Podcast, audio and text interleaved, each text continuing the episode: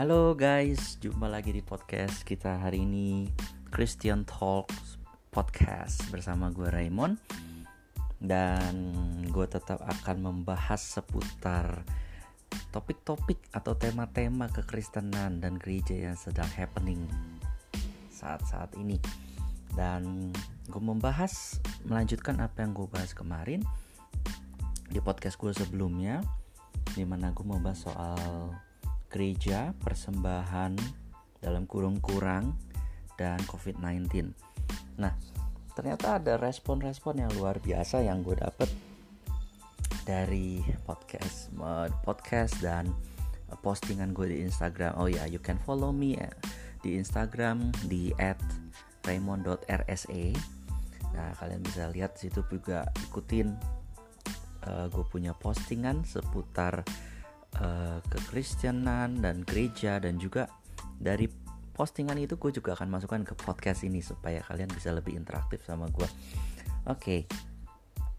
gue membahas sekarang hari ini gue akan membahas uh, soal gereja persembahan dalam kurung kurang dan COVID-19 part 2 atau uh, episode yang kedua bagian yang kedua nah gue kemarin cukup terkejut juga dengan responnya. Tadi gue bilang ada respon-respon yang uh, sebenarnya bagus gitu. Cuman mungkin kurang membacanya dengan seksama aja sih. Ada beberapa lah.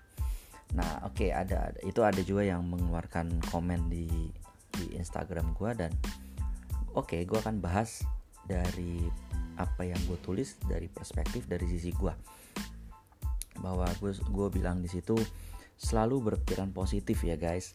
Nah di awalnya gue akan kasih tahu kalian bahwa untuk menjawab kekisruhan dari topik gembala di gereja ya gereja yang sudah gue sebut di podcast sebelumnya dan dibahas di akun-akun satir akun-akun satir ini tentu akun-akun satir kekristenan yang which is hmm, gue nggak tahu semuanya ya tapi beberapa di private jadi kalian kalau mau follow kalian harus mendapatkan persetujuan dari adminnya but anyway gue akan bahas balik ke topiknya awal bahwa di akun-akun satir itu juga membahas hal ini yaitu mengenai kurangnya persembahan sebagai masalah besar. Nah maka gue di sini bilang nggak sa apa ya nggak gue nggak bilang salah satu dari mereka benar yaitu gereja itu atau akun-akun satir itu benar atau salah. Gue nggak bilang mereka salah satu benar atau salah tapi gue lebih kepada mengingatkan aja untuk semua. Untuk semua pendengar untuk semua yang follow Instagram gue untuk semua yang uh, memperhatikan soal kekristenan dan gereja hari-hari ini gue hanya mengingatkan saja untuk kita renungkan bersama. So gue udah stand firm udah udah memastikan posisi gue berdiri saat ini adalah di posisi yang bukan memihak salah satu tapi posisi yang mencoba melihat menggambarkan semuanya dari berbagai sudut dari berbagai perspektif sehingga kalian bisa bisa mendapatkan satu hal yang objektif gitu loh. Nggak cuman subjektif dari satu pihak tertentu aja. Oke intinya gini. Kenapa gue bilang? Jadi berpikir positif aja. Karena gue dapat satu postingan dari which is gue dapat postingan ini dari uh, kalian bisa follow uh, instagramnya yaitu komik online. Dia bikin komik soal seputar uh, ojek online and which is komiknya sangat bagus gue suka sekali dan ini nggak ada hubungannya sama kekristenan nggak hubung, ada hubungannya sama agama.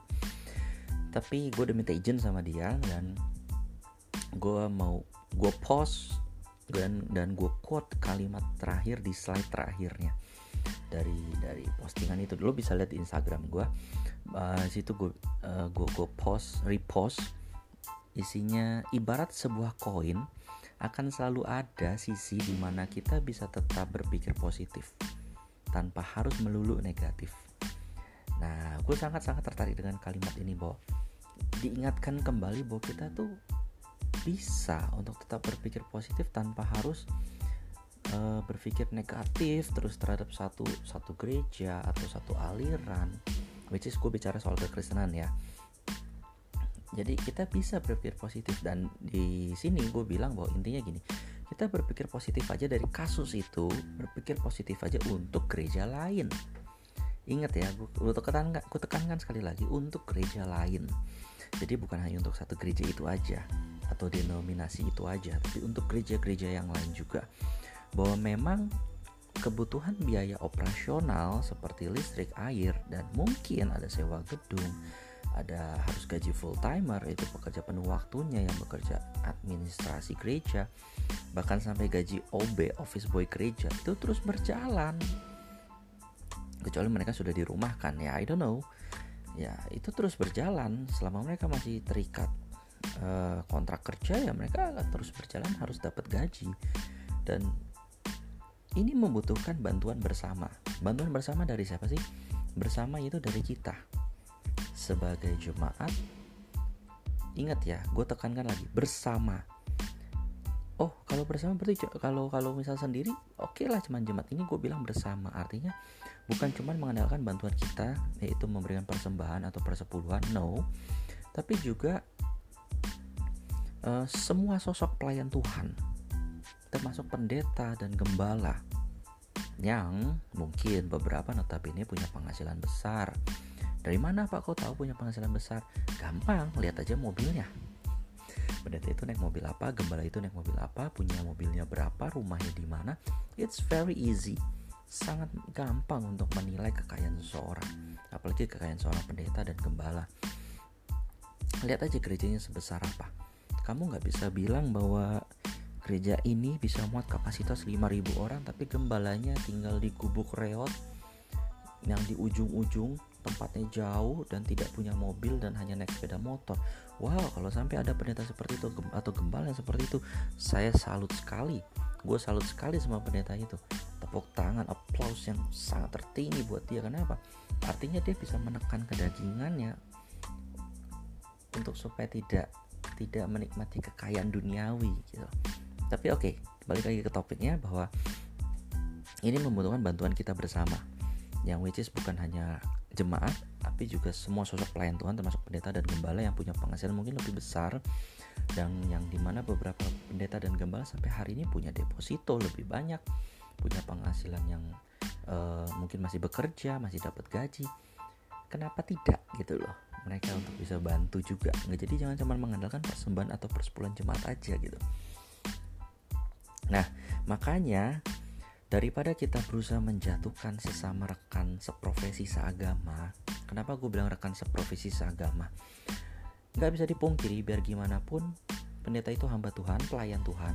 Artinya which is seprofesi juga dengan dengan dengan pengerja-pengerja yang lain meskipun beda gereja dan seagama gitu loh. Jadi jangan cuma mengotakkan bahwa seprofesi oh berarti pendeta doang dong atau atau pendeta yang hanya satu gereja satu denominasi. No tidak yang namanya seprofesi kalau saya seorang dokter dia seorang dokter beda rumah sakit beda kuliah beda lulusannya itu tetap disebut seprofesi gitu loh. Yang which is okay mungkin kalian bisa bilang gue seprofesi sama dia it's fine karena gue juga seorang teologi consultant.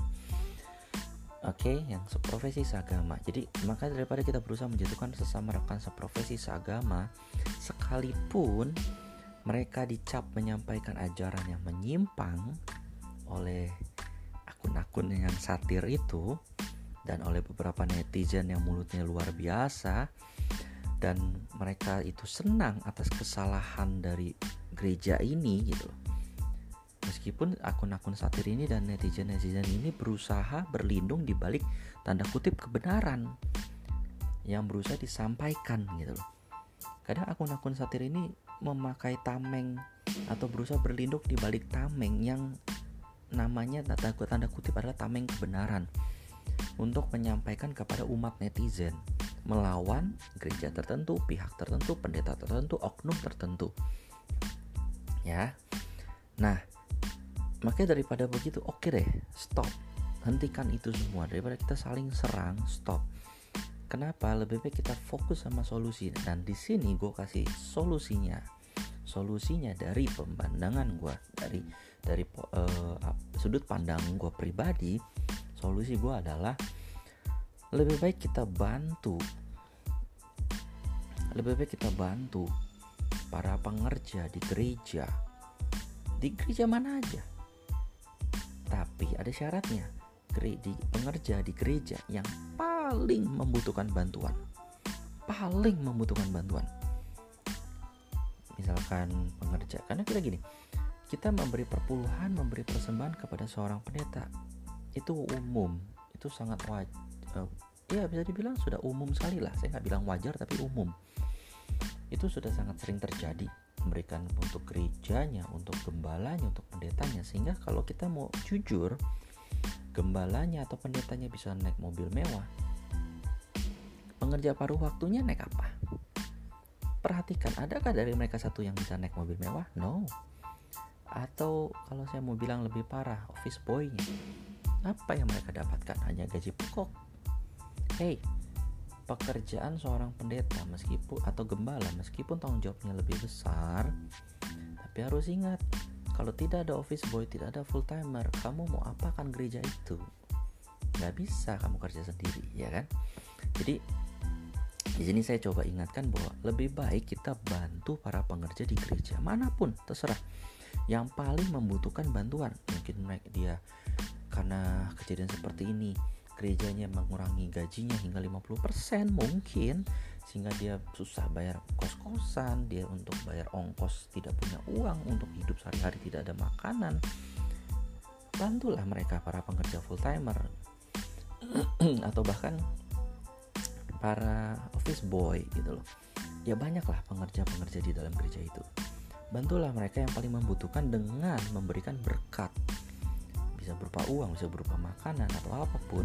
Bahkan saya bilang bahkan perpuluhan kita berikan langsung sama mereka. It's fine. Saya akan jelaskan kenapa kasih perpuluhan boleh langsung sama mereka. Jangan terkecoh dengan gereja atau dengan hamba Tuhan yang memaksa Anda untuk memberikan perpuluhan langsung uh, harus melalui gereja dulu. No, stop itu saya akan jelaskan alasannya kenapa kita boleh beli beli perpuluhan langsung sama mereka yang pengerja di gereja ya, pengerja di gereja yang membutuhkan. Saya akan berikan Anda ayatnya semua. Pertama Maliaki 3 ayat 10 dibilang bahwa bawalah seluruh persembahan persepuluhan itu ke dalam rumah pembendaharaan supaya ada persediaan makanan di rumahku. Saya tekankan lagi ada persediaan makanan di rumahku. Persediaan makanan di rumahku.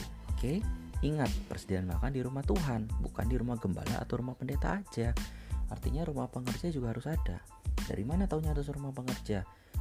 Bilangan 18 ayat 21.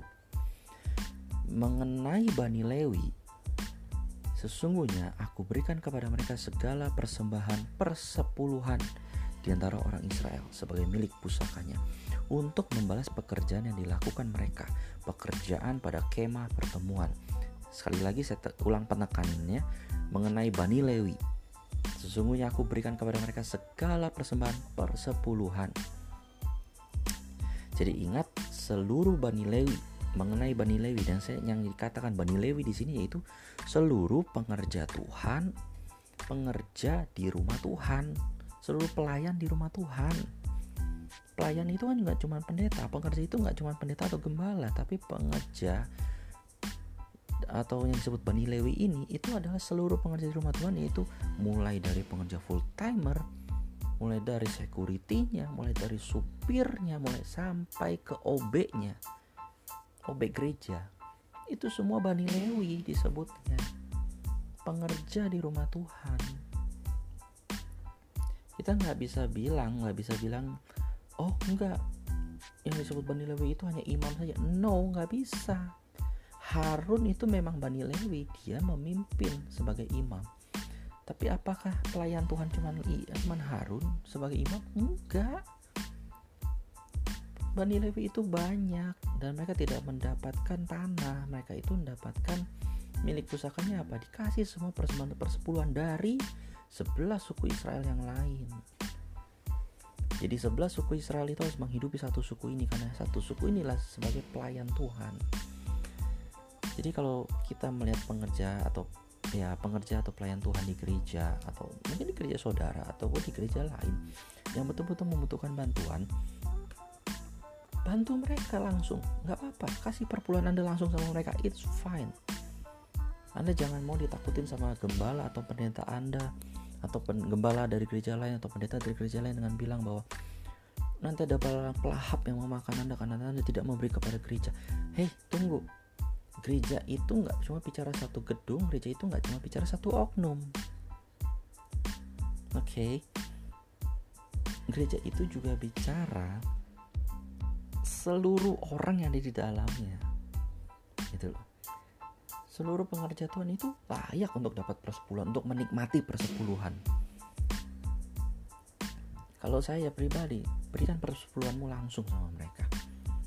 Itu dari sudut pandang saya pribadi dan dan memang ini sudah terbukti. Gitu loh.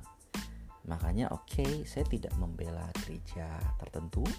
Saya tidak saya juga tidak membela gereja yang sedang berkasus dengan akun-akun satir ini dan yang sedang viral dengan videonya. Saya tidak bela mana pun sisi mana pun saya nggak bela saya tidak memihak. Tapi saya memberikan anda pandangan. Anda semua saya berikan pandangan dari perspektif yang lebih luas lagi perspektif yang jauh lebih luas lagi. Bahwa kita hidup bersama-sama sebagai umat Tuhan dan memandang gereja jangan sempit lagi. Kita harus memandang gereja itu dengan dengan pandangan yang luas. Bahwa pelayan atau pengerja Tuhan di dalam gereja itu banyak. Tidak cuma gembala atau pendeta saja. Oke jadi ini semua untuk menjawab kesimpang siuran yang sedang terjadi di dunia kekristenan dan gereja hari-hari ini. Dan sebagai tambahan uh, saya akan membahas ada ada satu komen yang yang memberikan ulasan tapi oke okay lah. Ulasan ulasannya mungkin terkesan terkesan menyudutkan saya tapi it's fine. Saya tidak bermasalah dengan ulasan itu. Justru saya sangat suka cita untuk membahasnya saat ini. Ini bonus tambahan aja sebentar bahwa yang pertama persembahan kurang sama dengan bukan pelaku firman. Persembahan kurang sama dengan bukan pelaku firman. Hmm, buat saya pelaku firman itu nggak ada hubungannya sama persembahan kurang. Itu aja. Persembahan kurang sama dengan bukan pelaku firman. Itu salah oke okay? itu salah. Itu sebuah statement yang sangat salah. Persembahan kurang sama dengan bukan pelaku firman itu itu statement yang sangat sangat salah. Kenapa? Nggak ada hubungannya. Persembahan kurang sama anda pelaku firman atau tidak. Karena yang memberi persembahan anda urusan firman atau tidak itu urusan anda dengan pribadi dengan Tuhan. Jadi kalau anda ngasih ke saya misalnya saya gereja anda ngasih ke saya, saya kurang saya nggak peduli. Nah itu bukan urusan saya dengan dengan dengan apa ya berarti bukan urusan saya dengan Tuhan tapi itu urusan anda dengan Tuhan anda mau ngasih berapa urusan anda it's fine gitu loh oke jadi itu yang pertama statement yang salah yang kedua Ayat Maleakhi 3 ayat 10 tadi sering dijadikan ayat buat narikin duit. Oke, saya akui bahwa ini ayat sering dipakai gereja-gereja tertentu untuk menarik uang dari jemaat, nakut-nakutin jemaat supaya memberi perpuluhan. Oke, di, di sini saya akan bilang bahwa betul memang sering dijadikan buat narikin duit, tapi saya bilang konteks ayat itu malah ketiga 10 tidak untuk narikin duit sebenarnya. Jadi kalau dibahas ini di gereja, saya pesan sama jemaat jangan takut. Yang pertama nggak usah takut dengan pembahasan Malaikat 3 10 jangan dikit-dikit wah Malaikat bahas tentang persepuluhan lagi nih.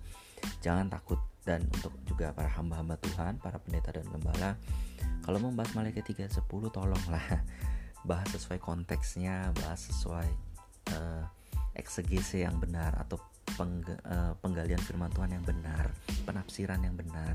Jangan hanya untuk memperkaya diri atau mempergaya gereja saja. Itu aja pesan saya. Lalu yang ketiga menghidupi keluarga sendiri juga bagian dari firman. Uh, menghidupi keluarga sendiri memang itu tanggung jawab tanggung jawab itu banyak dibahas di Alkitab. Tapi khususnya untuk menghidupi keluarga sendiri juga bagian dari firman saya justru mau menanyakan hal ini ayatnya di mana gitu. kalau saudara ada yang dengar dan tahu tuh ya silahkan kontak saya ini apa apa kontak saya via Instagram dan akan saya respon uh, uh, setiap pesan saudara yang masuk ke saya. Lalu yang terakhir persembahan menurut kerelaan hati dan tidak dipaksa juga bagian firman Oke, ini saya yang terakhir saya setuju bahwa memang Alkitab tidak pernah memaksa kita uh, harus ngasih berapa banyak no yang dibahas itu di persepuluhan itu hanya hanya itu aja yang yang yang, yang dibahas secara jelas sepersepuluh tapi masalah uh, memberi persembahan yang lain itu memang tidak pernah dipaksakan nilainya berapa ya. Yang penting memang hanya menurut kerelaan hati dan tidak dipaksa. Alkitab bilang kan kalau kalau kamu memberi dengan terpaksa lebih baik tidak usah memberi. Itu aja. Tidak ada masalah. Itu tidak ada hubungannya dengan keselamatan. Tidak ada hubungannya dengan keselamatan. Sekali lagi saya tekankan, Anda memberi persembahan atau tidak, banyak atau sedikit, itu tidak ada hubungannya dengan keselamatan Anda. Supaya jelas ya tidak ada kesemuan dengan keselamatan jadi jangan mau di, di jangan mau lagi dibohongin jangan mau lagi ditakutin bahwa persembahan itu ada hubungan dengan keselamatan. No tidak ada hubungannya. Persembahan itu persembahan sendiri keselamatan itu sudah sudah ada porsinya sendiri lagi pembahasannya beda. Oke demikian podcast saya hari ini. Sampai jumpa pada podcast berikutnya di podcast Christian Talks podcast. Semoga saudara diberkati dan uh, semakin terbuka wawasan dan perspektif yang lebih luas lagi, sehingga tidak hanya memandang uh, setiap masalah yang timbul dalam kekristenan dan gereja hanya dari satu sisi saja, tapi bisa berpikir secara positif untuk memandang masalah tersebut dan terlebih lagi adalah positif untuk terus melihat solusinya. Tuhan Yesus memberkati. Shalom.